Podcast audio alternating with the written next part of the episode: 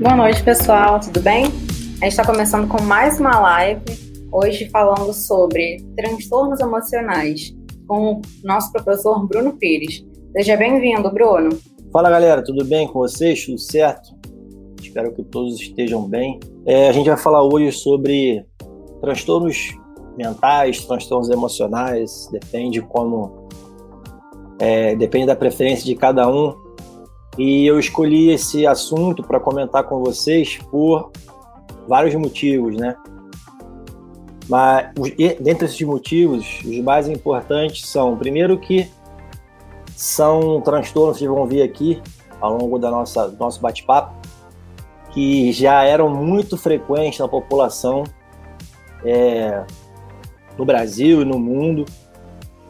Não tem preferência de faixa etária, claro que a partir né, de adolescência que o indivíduo começa a ter mais preocupações, angústias, e aí ele se torna mais frequente, mas em relação a jovem ou adultos, são transtornos muito frequentes que já vinham aumentando de maneira significativa ao longo das, das últimas duas décadas, três décadas, que proporcionam impactos agressivos em diversas áreas da, da, da vida outras patologias, doenças crônicas, principalmente na qualidade de vida da pessoa. E diante disso, o que somou ainda mais e influenciou muito na minha escolha justamente o nosso contexto é, atual, né, do momento de pandemia, de confinamento, de quarentena e também com relação à realidade de vocês, a aprendizagem, né, também vou falar alguma coisa um pouquinho sobre isso aqui e alguns aspectos do modelo de ensino à distância que também podem influenciar nisso. Embora eu goste muito de ensino à distância, prefiro fazer meus cursos online, minhas aulas online, mas na fase que vocês estão, uma fase de é, ensino médio ou até mesmo ensino fundamental, o um, um modelo com um ensino à distância muito frequente, ele pode se tornar um problema para a pessoa. Então, a gente vai comentar sobre isso daqui também, né? Então, vou mostrar para vocês aqui alguns dados, alguns sites aqui, algumas notícias. Tem aqui um site, né, que é uma notícia recente, 2020, 10 de janeiro. A gente não estava ainda, já tinha, né, o Covid estava presente na mídia e tal, mas não, a gente não estava vivenciando mesmo a pandemia, nem quarentena, nem nada disso. Então, uma notícia aqui que não tem o viés, não tem a influência do Covid, né? Então, a gente já, não vou ficar lendo tudo, mas só destacar algumas coisas aqui, ó. Por exemplo, ele fala que nos últimos anos, as doenças mentais tiveram um aumento considerável, segundo a OMS. O Brasil é considerado o país mais ansioso do mundo, olha só e o quinto mais depressivo. E mesmo assim, as pessoas, parte dessas pessoas, uma grande parte, não possuem assistência adequada, não só médica, como também na escola, como também até é, informações também, para o indivíduo saber reconhecer. Claro que às vezes isso não é possível, mas saber reconhecer é, diante do que ela está sentindo, os sintomas, sinais, que pode estar acontecendo um transtorno mental na vida dele, né? E aí, a partir disso, saber as estratégias para poder lidar melhor com esse problema e conseguir superá-lo, né? Aqui, a própria notícia fala também, né, um aspecto importante em relação aos jovens e saúde mental. Por quê? É, nessa fase que vocês se encontram, pré-adolescência, adolescência, vários estudos ao longo de vários anos né, já mostraram que essa fase é uma fase em que a pessoa fica mais suscetível a transtornos mentais, transtornos psiquiátricos, transtornos emocionais, transtornos alimentares. Então, é uma fase que a pessoa fica mais vulnerável. Por isso que as pessoas ao redor de vocês, né, os pais, parentes, a escola, professor, coordenador, todo mundo tem que ficar muito atento né, ao que vocês mostram em relação a comportamentos, mas a pessoa também tem que ficar atenta ao que ela está passando, né? Para poder conseguir superar, conseguir uma ajuda, um auxílio rapidamente, não deixar esse quadro se agravar, tendo impactos mais graves, né? Claro também que o mais importante é a prevenção dos transtornos, mas às vezes, e na verdade muitas vezes, não é possível fazer uma prevenção total. Por quê? A gente já vive numa sociedade que culturalmente ela já é uma, uma sociedade que fica gerando gatilhos para a pessoa ter sobrecarga, estresse, cobrança, ansiedade. Então a gente tem pressão, né, de trabalho, de renda, né, financeiro, pagar conta, tirar a, a nota que vocês pretendem, matéria acumulando, os pais cobrando, alguns casos vestibular também, que é um fator muito é, estressante, relações afetivas, relações amorosas. Então, a gente é bombardeado por esses estímulos.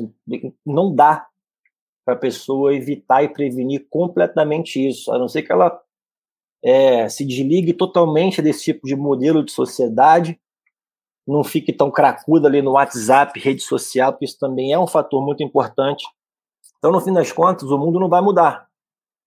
Nós que temos que saber lidar com ele, né? Então, aqui, eu não vou me detalhar muito nisso, mas ele fala sobre várias atividades de prevenção, sobre esses transtornos mentais, né, emocionais. Obviamente, a gente pode ter alguns gatilhos específicos que podem ser mais impactantes emocionalmente numa pessoa. Por exemplo, a, a, a perda né, de um parente, um ente querido, um amigo, uma amiga, é, por alguma doença, algum trauma, ou então um termo de relacionamento, é, relações afetivas que não estão indo bem na própria casa, é, ou então em relação até mesmo à cobrança na escola, notas. Então, existem gatilhos que são mais influentes do que outros, né? E a gente também tem que saber lidar com isso. Então, pessoal, isso aqui não é nada novo esses transtornos todos que eu vou comentar para vocês aqui quais são, né, os mais importantes, já vem num crescente absurdo, absurdo. E cada vez mais o mundo ao nosso redor favorece ainda mais isso. Complicado. Então a gente tem que saber lidar muito bem com isso. E essa nossa live de hoje vai ter relação com uma outra live que a gente vai ter depois.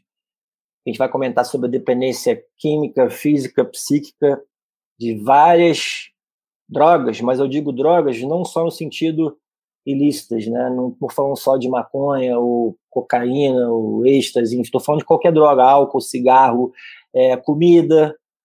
Então a gente vai falar muito sobre isso depois, né? Porque tem muita relação. Né? Medicamentos legalizados hoje em dia, cara, Rivotril é de pirona, parceiro. Rivotril é de pirona.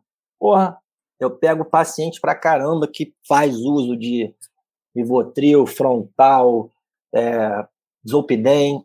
Essas drogas são drogas que têm alto índice de, de, provocar dependência química e cada vez mais é, as pessoas conseguem esses medicamentos com facilidade. Ontem mesmo recebi uma paciente lá no consultório que ela estava fazendo uso de uma porrada de medicamento. Fazia ritalina com frontal, com zolpidem, até antipsicótico. Ela conseguiu tudo na ilegalidade. Né? Então, tive que organizar todo o meio de campo ali, embora a minha área no consultório seja na endócrina, mas eu também entendo muito e sei como manejar esses transtornos emocionais. Eu sei que ela saiu com receita de todas as cores, amarela, azul, branca, para organizar esse meio de campo aí. Então, isso é muito frequente, não só em jovem, como também em adulto, idoso. No CTI que eu trabalho, eu recebo muito idoso também que faz uso crônico de, de benzodiazepínico, né, Rivotril, frontal, então é uma coisa muito frequente. Tem relação muito com que a gente vai falar hoje aqui, né, com, essa, com transtornos emocionais, doenças mentais. Os mais frequentes, né, de longe, depressão e ansiedade, sendo que é, na ansiedade a gente tem vários outros espectros, né, que podem se manifestar com sintomas de ansiedade, mas a pessoa não precisa ser necessariamente ansiosa no sentido de ah, não consegue esperar a data para ter um resultado de uma prova, ou então é, fica pensando logo no que, que vai ser feito no dia seguinte, ou três semanas depois, mas às vezes a sobrecarga, a tensão, o estresse, eles também se manifestam com sintomas, sinais de ansiedade e também de depressão. E é claro que as duas também, depressão e ansiedade, estão muito relacionadas. Então, esses dois aqui, de longe, são os quadros patológicos mais frequentes aqui. E depois eu vou falar um pouco mais sobre como é que a pandemia, o que que na pandemia está influenciando, está impactando para fazer esses índices aumentarem, né? Bom, quais são os fatores aí que mais influenciam na saúde mental dos jovens, né, na realidade de vocês? É, a gente tem que conflito familiar é muito frequente, maior exposição ao estresse por esses fatores que a gente comentou aqui mais cedo, né, de cobrança, de, de tensão, angústia, exploração da identidade sexual, isso aqui é muito frequente também, porque as pessoas estão se descobrindo nessa fase, é, existem as opções sexuais, aí também a identidade de gênero, eu também trabalho muito com isso, porque na área da endócrina eu trabalho com um paciente que quer fazer hormonização trans, né, quer não se reconhece naquele gênero que ela nasceu, né, no sexo biológico, então lido muito com esse tipo de problema, traz impactos absurdos. Fora também a escolha né, do, do, do sexo, que a, o interesse né, que a pessoa tem por outro indivíduo, homossexual, bissexual, heterossexual, por aí vai. Então, tudo isso aí também, que muitas vezes os pais ou outros amigos não aceitam, pais principalmente, né? Isso aí pode se tornar um problema muito grande. Envolvimento precoce com drogas e álcool, e aí, quando eu falo de droga, eu estou falando também desses fármacos que eu comentei para vocês aqui, não só drogas ilícitas, até mesmo a comida. Comida é uma droga. A comida que eu digo é, alimentos altamente palatáveis, né? Aquela coisa muito doce, muito salgado, é, nutricionalmente pobre, não a comida de verdade, né? Mas quando você está com desejo de uma coisa muito gostosa, você não quer comer por arroz e feijão. Aí você quer comer quando está com fome. Quando vem o desejo, quando bate a vontade mesmo, né? Isso é o vício, isso é o vício, é o desejo de satisfazer o prazer, levar a dopamina lá no sistema nervoso central. É por algo muito doce ou muito salgado. E aí os impactos disso na rotina da pessoa provocam vários problemas, obesidade, aí tem prejuízo na autoestima, fora outras doenças que estão relacionadas, né? Pressão para se integrar-se com certos grupos ou comportamentos, a pessoa pode se sentir excluída, aí tem o bullying também nesse contexto. Problemas afetivos, né, com pais, professores, colegas. Isso, um outro ponto importante que está presente agora atualmente é o próprio confinamento porque isso aqui, para você ter esse problema, tem que ter convívio, né? E hoje a gente está recebendo muitos pacientes, isso eu atendo também jovens, né? Não atendo só adultos, pego todo o espectro de pacientes em relação à idade. A gente vê muito que o confinamento, a falta do convívio, também está provocando problemas emocionais, mentais, né? É, o uso excessivo da tecnologia, e aí, não, não pelo uso em si. É claro que o uso pode atrapalhar em muitas coisas, né? Às vezes a pessoa não consegue estudar em 10 minutos sem dar uma olhada no Instagram ali, tá, tá cracudo do Instagram, do WhatsApp. Mas eu também menciono redes sociais é, como informações que são passadas para a gente danosas, né? aquela pressão, por exemplo, o resultado, é, tanto de corpo quanto de resultado de alguma prova, né, comportamento. Pô, fulano consegue fazer isso aqui, isso bem sucedido, não consigo fazer, é aquilo vira uma bola de neve. Então, esses são os principais fatores que influenciam aí na nossa realidade, né, e de vocês principalmente. E aí, o que aconteceu durante a pandemia, né? Qual foi o papel da pandemia nesse processo? Hum, obviamente que isso impactou pra caramba.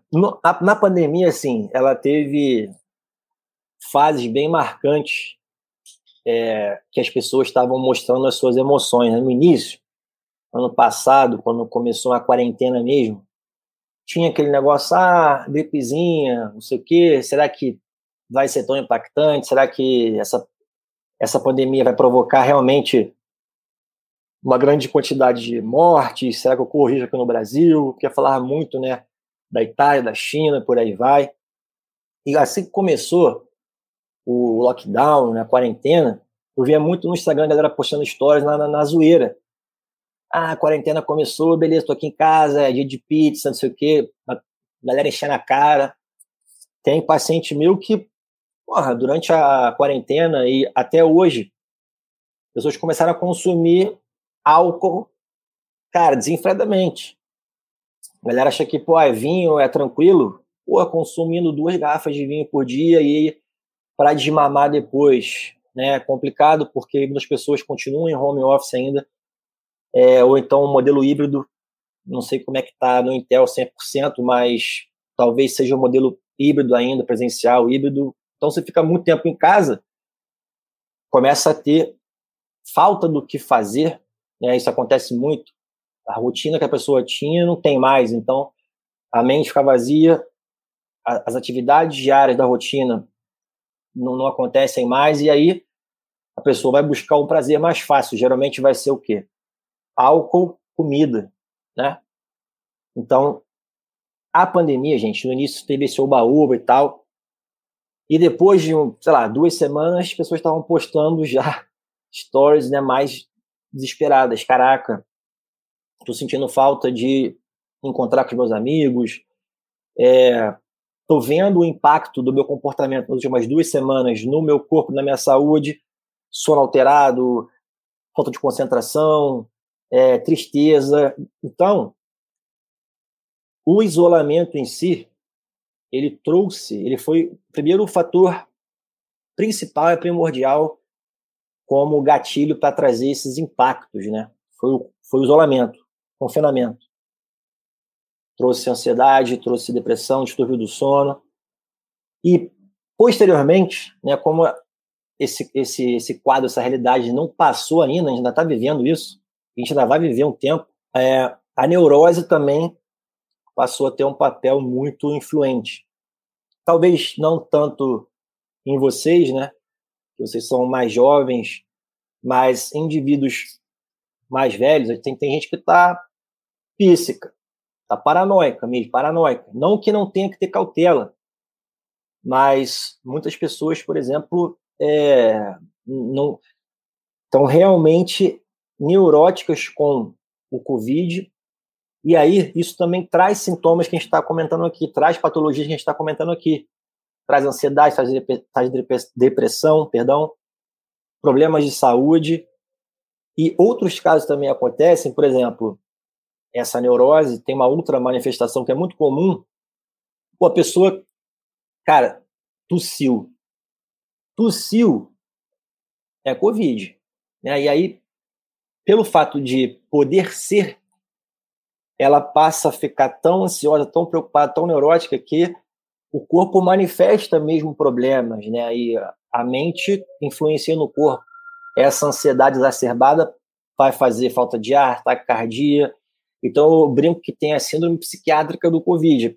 Às vezes a pessoa nem tem Covid, ou então tem Covid, é um quadro leve, mas o fato de saber que está com a doença faz a pessoa ficar tão paranoica que ela pode até mesmo manifestar os sintomas de taquicardia, falta de ar, cansaço, que é, um, é uma crise de ansiedade acontecendo, e faz a pessoa também começar a querer tomar tudo que é medicamento que não tem, por exemplo, comprovação científica. Aí você vai, fazendo tudo, quer fazer tomografia todo dia, né? Então, por exemplo, a minha madrinha, minha madrinha teve Covid, já tem um mês. Tava bem, tava bem. Tava só com um pouquinho de cansaço, teve uma febre não tão alta, uns 38 por ali, ela já é mais idosa. E aí ela, ela perguntou, ah, Bruno, o que, que eu tenho que tomar? É nada, não tem que tomar nada, tem que tomar de pirona, se tiver febre, tem que no quadro que ela estava é, que ela estava naquele momento, um quadro leve, tem que tomar nada, né? Não precisa de corticoide no quadro leve. Então toma só de pirona, se estiver enjoada, toma lá um medicamento para enjoo. Aí ela começou a falar, ah, eu quero fazer uma tomografia, eu quero ver como é que tá o pulmão. Falei, tia, olha só, seu pulmão, eu já vou te falar, ele vai estar tá acometido. Ele vai estar tá acometido, vai ter doença lá. Não precisa fazer, porque isso não vai determinar nada na evolução do seu tratamento. Se você está com quadro leve, não precisa tomografia. Ah, não tem que fazer não? Eu falei, não, não faz, porque você vai ver que tem coisa lá, você vai ficar píssica, vai ficar paranoica e vai ficar neurótica. Tá bom. Dia seguinte, me ligou. Ah, Bruno, fiz tomografia. Tinha lá é, menos de 25%. Caraca, começou a ficar paranoico. Aí começou a ter sintomas de ansiedade. Eu falei, não faz tomografia, vai ter coisa. Aí que todo dia faz tomografia e então. tal. Então, galera, essa é esse é o aspecto da síndrome psiquiátrica do Covid, né? E aí, no caso de vocês, especificamente, vocês estão tendo um ensino EAD, todo esse contexto que a gente comentou, desses gatilhos que podem provocar esses transtornos emocionais, e também a gente tem que lidar com a neurose e os sentimentos de outras pessoas ao nosso redor. Vocês vivem com os parentes de vocês, né? os pais, ou avós, ou tios, irmãos. Então, além da gente ter que lidar com as nossas emoções em relação a esses estímulos ao nosso redor e aos problemas que estão acontecendo atualmente, a gente também tem que não entrar na onda de outras pessoas, quando a pessoa está com a síndrome psiquiátrica do Covid, e também saber lidar para não acabar tendo também esse quadro patológico. Né? Então, hoje é complicado. E o EAD também, é, embora eu goste, mas na fase de vocês, não é uma coisa tão bacana ser muito frequente, porque a gente precisa do convívio, mas não só isso, a própria aprendizagem, ela não vai ser a mesma em muitos casos, em muitos exemplos, né? Pô, você tem que ter alguém ali com você, não só te avaliando, mas te ajudando em momentos de dificuldade, o professor, ainda mais ensino é fundamental, né? A pessoa está tá alfabetizando, por exemplo. Mas, pô, vocês querem tirar uma dúvida. Não é uma coisa, né? Você tirar uma monitoria online ou com um professor online, até para nós, né, professores, explicar uma coisa online, aqui é tranquilo porque eu não tenho que fazer cálculo, não tenho que fazer nada, mas, por exemplo, se tiver que, ah, tô com uma dúvida aqui, pô, nessa questão de genética. Como é que eu vou fazer? Não dá. Então, o aprendizado também fica comprometido na fase de vocês. E aí, quando uma pessoa é, sente que não está tendo um rendimento que ela costumava ter anteriormente, isso pode passar a ser um gatilho para transtornos mentais, né?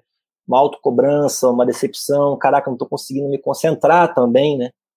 Porque tudo bem que na escola também é complicado, tá com a sala com a galera, é difícil também se concentrar, porque tem conversa, tem, pô, sempre tem alguém que perde a linha.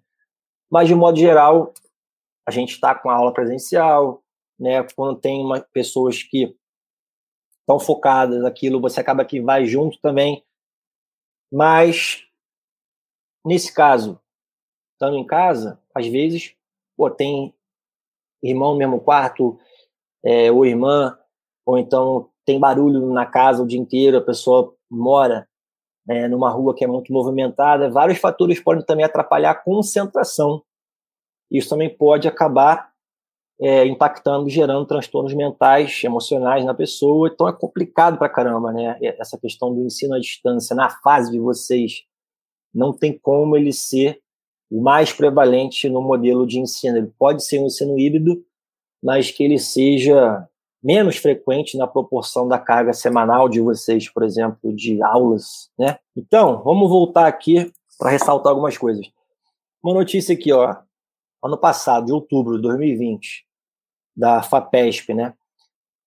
O agravamento dos transtornos mentais durante a pandemia. Isso aqui foi um fator que potencializou absurdamente.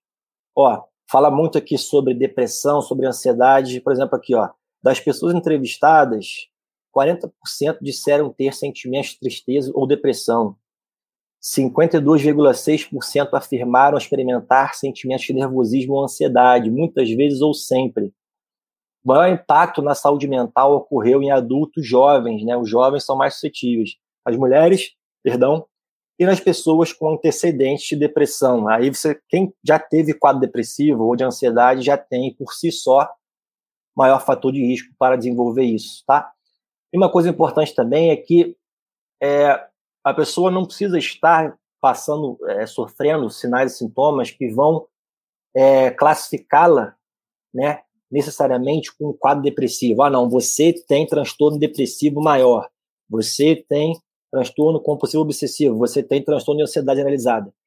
Ela não precisa estar classificada naquele quadro patológico, mas o fato de sentir algumas coisas que envolvem essa doença já pode impactar significativamente na qualidade de vida. Então já é ruim, pode impactar no sono, que eu vou comentar aqui, pode impactar na disposição do dia a dia, porque impactou no sono, vai impactar na energia e, consequentemente, vai impactar na aprendizagem, na concentração, no ensino, na alimentação. Então não precisa estar classificado patologicamente para ter impactos negativos. Também quero chamar a atenção de vocês por isso, né? Aqui um outro site, uma outra matéria, uma notícia, que os transtornos mentais, né, a gente vai falar aqui, estamos falando já, depressão, ansiedade, é, compulsão, anorexia, bulimia, mas principalmente depressão, ansiedade. Eles possuem alta relação com doenças crônicas e mortalidade. E é uma coisa que é muito importante a gente pensar desde jovem. Por quê? Porque, gente, o que a gente faz hoje na nossa vida, com o nosso corpo, em relação ao comportamento, vai impactar o resto da vida. Então, por exemplo, hoje a gente tem uma pandemia, o Covid rolando, e quem passou a vida tendo comportamentos que é, é, geraram malefícios estão expostas a um risco maior de ter um quadro mais grave e falecerem. Então, a saúde vai cobrar. A saúde cobra. E eu quero chamar a atenção de vocês hoje justamente para vocês conseguirem reconhecer esses quadros e conseguirem lidar com eles. Para quê? Para poder passar por esse problema e esses impactos negativos hoje, mas também ficar livre de doenças ao longo da vida. Então, tem relação entre transtornos emocionais e doença crônica? Tem. É, tem relação, por exemplo, com transtorno alimentar, levando à obesidade, diabetes, hipertensão, e aí isso vai gerar doença coronariana, infarto, AVC, né? Esses sintomas por exemplo, de ansiedade ou depressão na fase jovem, futuramente essa pessoa vai ter mais risco também de ter um quadro patológico grave emocional. Tá? Então, tem relação sim com doença crônica e tem relação com mortalidade. Tá? Aqui nessa outra matéria, a gente vai ver aqui, ó, os 10 transtornos mentais mais comuns, seus sinais e como tratá-las. Como tratá-las, vocês não precisam ficar tão preocupados com isso aqui que tem, quem tem que tratar é, é, farmacologicamente são profissionais médicos, psicólogos, mas o indivíduo também tem importância fundamental no, no tratamento, porque a mudança de hábito, a mudança comportamental, eliminar os gatilhos que favorecem o transtorno mental também é fundamental. Então, no tratamento, a gente tem o papel da pessoa que está sofrendo, com grande importância, e também tem o, auxílio profissional. O médico, ele é fundamental, principalmente quando uma pessoa está com uma manifestação que está impactando muito na vida dela. Por quê? É quando o medicamento vai entrar, vai encaixar como uma luva. Por quê? O medicamento ele vai estabilizar a pessoa para que essa pessoa, com suporte farmacológico, medicamentoso, consiga se levantar naquele turbilhão e caminhar em direção à solução. O medicamento é para isso, né? Às vezes, sem medicamento, a pessoa não consegue. Então, quem quais são os transtornos mais comuns? Né? Vamos baixar aqui para a gente ver. A, a, fobia, né? Fobia, qualquer tipo de fobia. Fobia à multidão, ambiente fechado, ela tem a ver com ansiedade estresse, mais, né? Mas aí é uma manifestação específica, fobia até de, de animal. Então, a fobia, até mesmo o transtorno de pânico, né? que aí vai ser uma crise, ela geralmente é a manifestação de ansiedade, estresse, tá? Então ele fala aqui, fobia, fobia específica, é, os sintomas, sintomas físicos. Geralmente quem está numa crise de ansiedade ou crise de pânico, né, são altamente relacionadas, mas no pânico é, ela é mais severa porque mentalmente a pessoa pode perder o controle, tá? Os sintomas físicos, na verdade, os sinais, eles podem ser mais é, comuns entre as pessoas que sofrem isso, né? Porque sintomas, sinal, o que é sinal, o que é sintoma, para vocês ficarem ligados? Sinal é uma coisa que você consegue mensurar. Então, por exemplo, uma pessoa vem para mim, um paciente fala, ah, eu estou com uma sensação de coração acelerado, eu consigo mensurar aquilo, né? Eu avalio a frequência cardíaca, eu estou vendo que ela está com batimento 150. Então, isso é um sinal. Mas se a pessoa fala assim, eu estou com uma dor no peito, isso é um, não é um sinal, é um sintoma. Né? E, é porque eu não consigo mensurar a dor. E a dor, ela é subjetiva, porque ela é muito pessoal. Cada pessoa vai sentir uma dor de uma forma diferente, né? Tem gente que fala, ah, eu tô com uma angústia no peito. Ou, ah, eu tô com uma, um peso, né? Então, esses sintomas, a manifestação ela é mais variada para cada pessoa, depende de cada um que está sofrendo. Mas sinais são mais comuns. Então, quais são os sinais mais frequentes né, de, de uma crise de ansiedade, crise de pânico? É a sensação de boca seca, é aperto, dor no peito, pontada, tremor, dificuldade para respirar, coração acelerado, né, ofegante, sudorese, suor excessivo, insônia, é muito comum, né? E, obviamente, também tem influência no comportamento alimentar, eu vou falar depois. Né? Então, os sintomas mais frequentes é boca seca, dor no peito, peso no peito, pontada, tremor, falta de ar, coração acelerado, sudorese e insônia, né? Aí, em relação a sintoma emocional, aí é mais, é mais variado, porque depende da pessoa, né? A pessoa pode ter muito medo, receio, fadiga, não tem vontade de fazer nada, né? É, sensação de menos-valia, o que, que, é isso? Se desmerecer, não achar que é capaz de fazer tal coisa, ou medo de morrer. Acontece muito né, nas crises de ansiedade e pânico. Sensação de morte iminente, né? um sintoma, uma crise que pode realmente imitar sintomas exatamente uma pessoa que está infartando. Os, os sintomas são e sinais podem ser exatamente os mesmos. A pessoa acha que vai morrer? Fobia social aí já é um, uma manifestação também de ansiedade. E quando você não tem é, reconhecido um gatilho específico que gera aquela sensação de fobia, por exemplo, ou de crise de pânico, quando você não tem um gatilho, ah, o meu gatilho é multidão, o meu gatilho é ficar num lugar fechado, o meu gatilho foi é, um acidente que eu sofri mês passado. Quando você não tem esse gatilho, a gente chama de transtorno de ansiedade generalizada, que é a mais frequente, né? Então, de longe, ela é a mais frequente das, dos quadros patológicos de ansiedade aqui, né?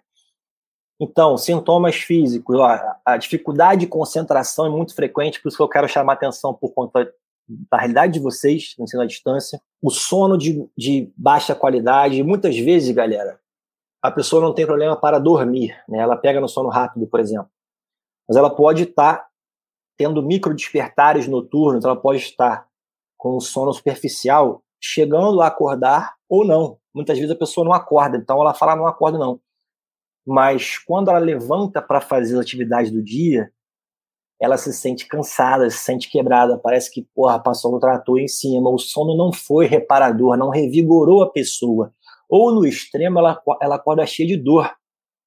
Isso acontece. Por quê?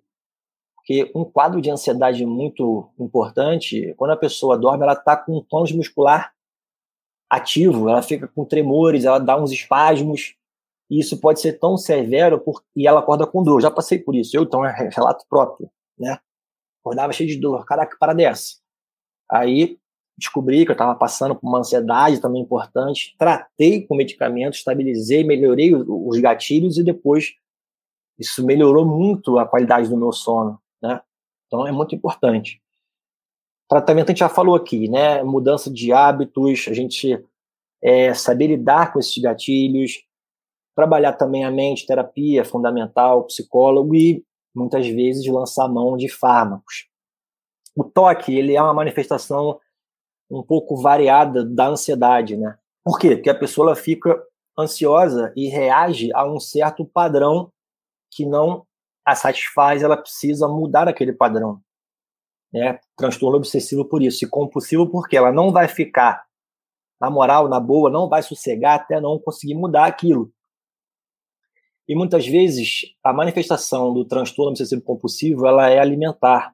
Isso gera uma compulsão alimentar. Por quê? Ela não, não tem nada específico para organizar, mas tem alguma coisa não muito bem definida que a deixa desconfortável. E a busca do prazer para resolver essa coisa que deixa desconfortável vai ser a comida. Geralmente é doce, geralmente acontece à noite, muitas vezes a pessoa pode acordar de madrugada e ter o um episódio compulsivo que vai se manifestar por uma ingesta, né, uma alimentação excessiva, às vezes não sabe nem o que, que é, sai comendo um monte de coisa, até não conseguir colocar mais para dentro. Então, geralmente é isso, a pessoa vai lá, cara, mata dois potes de sorvete, duas barras de chocolate, geralmente depois ela se sente mal por ter feito isso, aquele aquele processo deu prazer para ela, mas depois ela ele trouxe uma sensação de arrependimento, um remorso, tá? É, então tem vários tipos aqui, né? A dependência química, dependência química, gente, é, não é só coisa ilícita, não. Veja bem, doce é de, comida alta, é altamente palatável, refrigerante, porra, qualquer biscoito salgado desse aí, cara, snack, Ruffles, tudo isso aí, cara, tudo isso é crack, isso é crack. Sério. Isso é crack. Por quê? Porque é muito salgado, traz o, prazer, né? Então também está na dependência química. E a depressão? A depressão, ela tem espectros diferentes de manifestação, né? Mas é, em relação à alimentação, a pessoa pode ter mais fome, menos fome, mas geralmente vem com uma sensação de, de desânimo, tristeza, quer, quer se isolar, né? Uma sensação de menos valia, de achar que não é capaz, de não se valorizar né, se, se depreciar. Todos que a gente falou aqui, qualquer um desses quadros, dificuldade, concentração, queda de rendimento no que a pessoa for fazer, trabalho, estudar, qualquer coisa, tá? E aí, galera, o que mais que a gente tem aqui? Um aspecto importante que muitas vezes as pessoas não valorizam, que é o sono, né? O sono, ele, ele é um, um sinal importante para saber como é que está a nossa saúde mental. Por quê? O que, que é, o que, que é considerado um sono de boa qualidade? Não tem nada a ver com hora de sono. É claro que tem um certo período que se, por exemplo, uma pessoa que dorme só quatro horas, mesmo que ela se sinta bem, reparada, não é recomendado. Então, o ideal, assim, é você fazer cinco a oito horas, né? Mas menos que cinco não é legal. Mas um sono de qualidade é o sono que a pessoa acorda e se sente reparada, se sente bem, foi revigorado, né? O sono foi revigorante. E tem vários sinais que a gente pode identificar. Por exemplo, o que, é uma má indução do sono? É a pessoa que demora pra cacete para dormir, para pegar no sono. Fica rolando para lá e para cá na cama. É, e mesmo se não estiver porra, olhando o WhatsApp ou, ou, assistindo uma série, ela resolveu dormir. Eu quero, vou dormir agora. Beleza. E não consegue. Isso é a má indução do sono, tá? Pessoa que acorda durante o sono, não por motivos fisiológicos, né? Acordei porque quero fazer xixi. Isso aí é um motivo fisiológico, mas não tem motivo aparente. Às vezes não acorda, mas o sono está superficial. Pessoas que se agitam muito no sono, a gente não tem como avaliar isso, porque a gente não está vendo o que a gente está fazendo dormindo. Alguém pode avaliar, ou você avalia quando você acorda, tudo quebrado, né, com dor no corpo e tal. E, obviamente, no fim das contas, se o sono vai ser reparador ou não. Esse é, esse é o aspecto mais importante. Você avaliar se o sono foi reparador ou não. Então, assim, para vocês, o importante atentar é dificuldade de pegar no sono e se, se o sono está revigorando seu organismo. Fique atento quanto a isso. Fatos importantes. Não adianta induzir o sono com fármacos. Ele não vai recuperar a qualidade do sono, ele não vai reverter as alterações metabólicas e fisiológicas que um sono alterado provoca, né? Que eu não vou ficar comentando aqui para não ficar enchendo, enchendo a cabeça de informação. Não adianta chegar lá, vou tomar meu ribotrilzinho a nós. Ou então, porra, durmo bem, cara, mas aí chapa ali duas garrafas de, de, de vinho, tranco, durmo tranquilão. Não adianta. Não é a mesma coisa induzir com fármaco ou encher a cara antes de dormir. Também não adianta compensar no final de semana, por exemplo, né? Ah, Pô, de segunda a, a, sexta eu durmo, cara, quatro horas, mas chega, mas chega sexta-feira, parceiro, eu durmo 12, 16, não adianta. Isso, ele, isso vai trazer os malefícios e distúrbios do sono provocam, tá? Então, o certo é, claro que você pode dormir menos durante a semana e dormir um pouco melhor no final de semana, mas o importante é a, como é que está a regularidade disso, né? A consistência e a regularidade. Então, fiquem atentos, porque o sono ele é alterado, é manifestação de ansiedade, estresse, depressão, tá? E é claro, que não você começar a dar, por exemplo, um ribotril para um paciente dormir não vai sanar o problema. O problema não é a dificuldade de pegar no sono em si, isso não é o problema, isso é a consequência de um quadro patológico, um transtorno mental. Então, é uma ansiedade, é um estresse, sobrecarga, né? Então, tem que tratar a ansiedade, não ficar dando ribotril, tá? Quem usa não fica bolado, não, tá? Mas cuidado, tenta desmamar esse negócio aí. Beleza. Então, já comentamos aqui, eu separei uma outra matéria, mas a, a melhoria do sono, ela é, também vai influenciar na melhora do transtorno mental, emocional, se você dorme melhor, você fica menos ansioso. Sono ruim piora a ansiedade, piora a depressão, gera fadiga, você vai ter mais dificuldade, não ter vontade de fazer as coisas seguintes, pô, você vai dormir mal, vai acordar com faca no dente para você, porra, dar um gás no estudo? Não vai. Para assistir aula? Não vai, né? E aí vira uma bola de neve. Vira uma bola de neve. Inclusive também no comportamento alimentar. Pessoa que dorme mal, ela acorda e ela quer, ela quer comer merda, quer comer besteira. Então tem influência também. Então melhorar o sono também vai impactar em outros comportamentos e no rendimento de vocês também, tá? Aqui, ó, é para citar para vocês os principais transtornos alimentares, que também, o transtorno alimentar, gente, ele também é um transtorno emocional. A pessoa que tem um padrão beliscador, por exemplo, tudo que faz beliscando um amendoim, sei lá, um biscoito. Isso é um padrão beliscador que geralmente está associado com ansiedade. Que eu vou fazer com ela? Eu vou tirar todos os amendoins da casa dela? Também. Mas eu vou tratar o problema, vou tratar a ansiedade. Né? Um padrão compulsivo, ele também tem a ver com ansiedade, até com depressão também. Né? Anorexia e bulimia são quadros mais raros e não tão frequentes, severos também, mas eu não vou focar neles aqui. Então, importante em relação a comportamento alimentar, transtorno alimentar, é a compulsão alimentar, é aquele desejo absurdo de comer uma coisa gostosa num certo horário específico que você não tem tanto controle. Às vezes a pessoa não sabe muito bem o que, que é. Pode ser por doce, geralmente é mais por doce, mas pode ser por salgado também.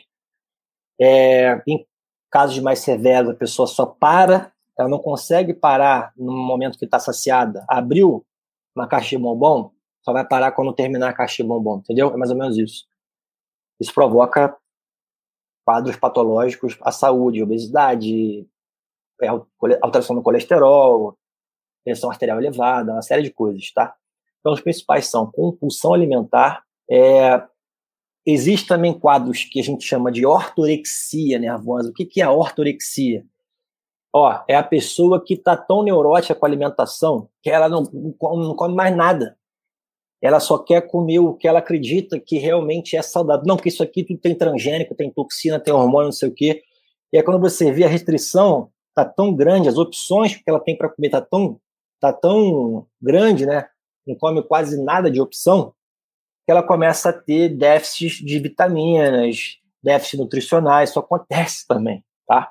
Então tem compulsão alimentar, padrão beliscador, e não precisa ter um quadro compulsivo necessariamente de um momento que a pessoa comete a explodir, né? A compulsão ela pode acontecer em vários episódios do dia, mas é quando vem aquele desejo muito forte, realmente a pessoa não consegue controlar de comer algo muito gostoso. Aquilo vira um ciclo vicioso.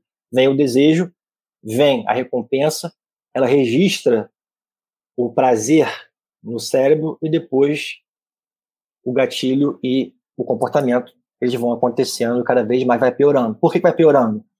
Porque comer uma coisa muito doce, por exemplo, que dá prazer, isso vai levar a dopamina lá numa região cerebral e cada vez mais a exposição excessiva à dopamina nessa região vai tornando a região mais resistente à dopamina. E aí a pessoa tem que aumentar a liberação de dopamina naquela região para poder estimular o prazer igual.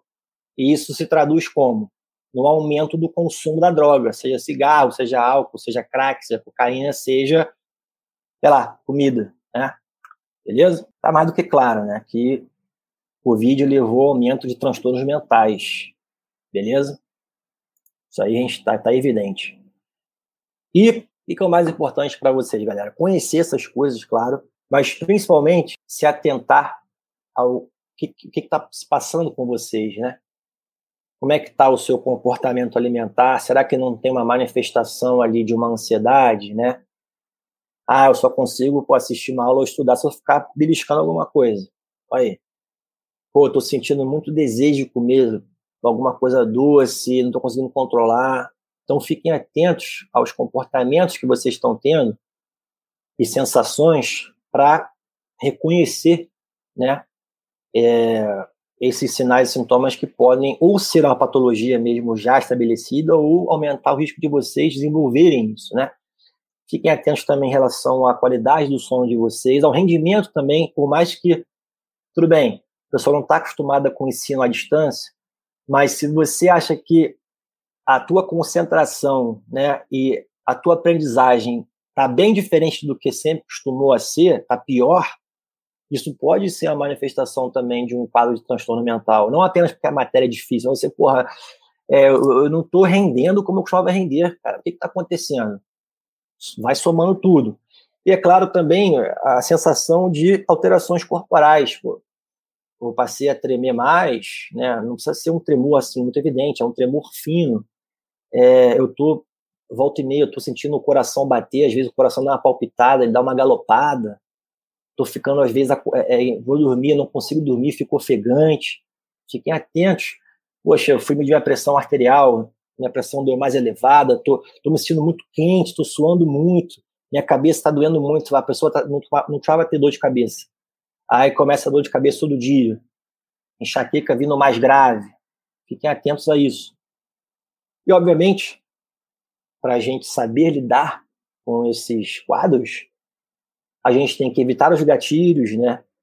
Então, evitar ter disponível, por exemplo, aqueles alimentos que vão te prejudicar em termos de saúde, se você tem dificuldade de pegar no sono, fazer uma higiene do sono adequada, é, não ficar ali cracudo no WhatsApp, no Instagram com a luz no teu olho ali, que vai, vai dificultar o sono, fazer todo um processo para melhorar o problema que está acontecendo, mas principalmente que a gente muitas vezes não consegue resolver isso sozinho, galera.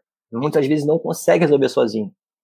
E aí é a hora que a gente tem que saber reconhecer que a gente precisa de um auxílio de outra pessoa, dos pais, dos amigos, dos professores, do pessoal da, da escola, de profissionais médicos, e não tenha receio, não tenha vergonha de buscar auxílio profissional. Pô, você tá tomando esse remédio aqui? Ah, isso aqui é remédio pra maluco, tu vai ficar viciado. Mas o cara tá falando que tu tá viciado, mas tá lá no Rivotril dele. Tá lá comendo, porra, o Twix dele todo dia, 10 Twix. Então não tem essa, não tem essa. Procure auxílio e eu espero que isso melhore a noção de vocês sobre todos esses quadros e que se vocês estiverem passando por algum desses problemas, que esse nosso bate-papo de hoje impacte positivamente, positivamente na vida de vocês, hoje e sempre. Obrigado pelo nosso bate-papo de hoje. É isso. Obrigada, Fechei. Bruno. Muito obrigada. É, eu tenho duas perguntinhas aqui de duas alunas. Posso fazer? Let's bora, let's bora. Chama que vem. É, a Mariana Fonseca falou o seguinte: a minha tia nutricionista vivia falando como o sono é principalmente, é, o sono é principalmente dormir à noite e é necessário para o organismo porque ele só produz alguns hormônios durante esse horário. Os hormônios que ela disse são prejudiciais ao organismo? Então, na verdade, não são prejudiciais. Né? Os hormônios que a gente mais libera à noite, né, com mais intensidade, é, é, o GH, principalmente, mesmo quando a pessoa já parou da, passou da fase de crescimento. O GH tem papel em outras coisas, não só no crescimento do tecido. Então, o GH, principalmente, que ele vai tendo maior secreção em vários pulsos, né? Ao longo do sono, aí depende da fase do sono que a pessoa tá. Então, por exemplo, aquela pessoa que tem o sono superficializado, ela não alcança o sono profundo, não tem os ciclos, né? Porque os ciclos são sono resumidamente superficial, profundo, superficial, profundo, vai fazendo isso. Cada vez que um ciclo desse passa, no sono a gente tem um pico de GH. Então, se o sono está superficial, o GH não vai ter secreção em picos. Outros hormônios também são importantes, como hormônios da hipófise, é, que influenciam nas gônadas, eu digo isso em ovário, em testículo. Então, pode é, causar alteração menstrual, pode causar é, dificuldade de ereção, infertilidade em casos mais severos, né? E também o cortisol, Né? O cortisol também é um hormônio que tem é, secreção bem marcada por volta ali de 7 da manhã, ele tem o pico, né? Antes tem o hormônio que o estimula, que é o ACTH, mas 5 da manhã tem o ACTH, 5, 6 da manhã, depois 7 da manhã tem o cortisol. É, os hormônios tiroidianos, o T3 e o T4, né, o T4 principalmente, ele tem pico 8 da noite. Então é o seguinte, não quer dizer que a pessoa não vá produzir, os hormônios são benéficos, mas eles têm que estar com a secreção organizada. Uma vez que o sono está alterado, o relógio biológico de 24 horas vai estar alterado. Então, não somente os hormônios que têm pico no sono serão alterados, como também os do dia. Entende? E aí, claro que depende da alteração de cada pessoa, mas as alterações provocam danos à saúde. Então, para responder você de modo resumido e preciso, os hormônios não, esses hormônios, eles não são maléficos, não. Nenhum é. Mas eles têm que estar com a secreção adequada. E a alteração do sono vai alterar a secreção dele, o padrão de secreção, os níveis dos hormônios da madrugada e também do dia. Beleza? Agora, outra é a seguinte: dormir uma hora, uma horinha durante a tarde traz algum malefício? Traz se impactar no sono da noite. Beleza? Dormir à tarde não tem problema nenhum. Sempre tem aquela galera que gosta de dar uma uma sonequinha ali à tarde. Não tem problema nenhum, desde que isso não impacte no sono da noite. Se não impactar, tá tranquilo. Se impactar, mude esse comportamento. Certo? É isso aí. Obrigada, Bruno. Muito obrigada. Tá? Nada. Foi uma ótima live e a gente se encontra numa próxima, tá bom? Até a próxima, galera. Valeu. Tchau, tchau. Até. Tchau, tchau. Tchau.